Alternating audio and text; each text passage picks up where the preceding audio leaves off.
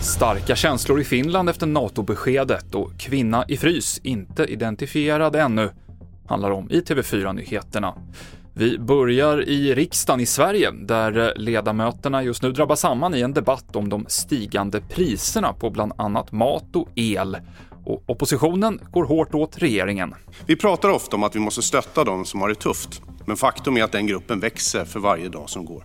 Det är därför vi har begärt den här debatten, för regeringen tar inte situationen på allvar. Regeringen har ingen plan. Ingen plan, sa Mikael Damberg, Socialdemokraterna. Det har vi visst det, svarade finansministern. Det är tre delar det handlar om. För det första, bekämpa inflationen samtidigt som vi stöttar hushåll och företag.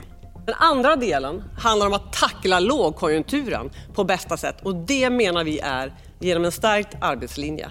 Och inte minst, herr talman, så handlar det också om strukturreformer som på sikt kan få fart på svensk tillväxt igen. Elisabeth Svantesson, Moderaterna. Mannen som misstänks ha lagt en kvinnokropp i en frys i sin bostad i Årjängs kommun i Värmland begärs nu omhäktad.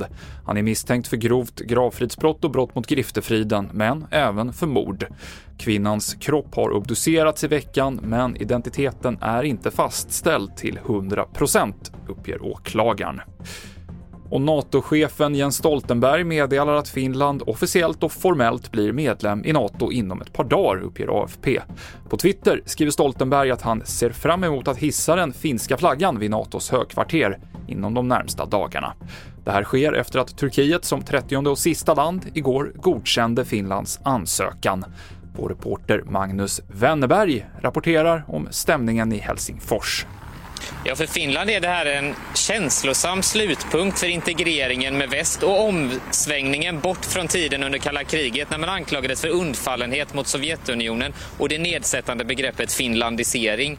Det här beslutet och processen som nu alltså fullbordas för Finland, den kommer ju efter att Ryssland invaderade Ukraina och, och det väckte ju starka minnen här i Finland av hur Finland själv blev invaderat under andra världskriget från grannen i öster. Nu känner man både lycka och lättnad över att man har stärkt sitt skydd mot att den här historien skulle kunna upprepa sig. Rapporterade Magnus Wennerberg. Mer om NATO-frågan på tv4.se.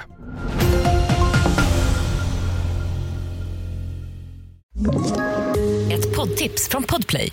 I podden Något Kaiko garanterar östgötarna Brutti och jag, Davva, dig en stor dos skratt. Där följer jag pladask för köttätandet igen. Man är lite som en jävla vampyr. Man har fått lite blodsmak och då måste man ha mer. Udda spaningar, fängslande anekdoter och en och annan arg rant.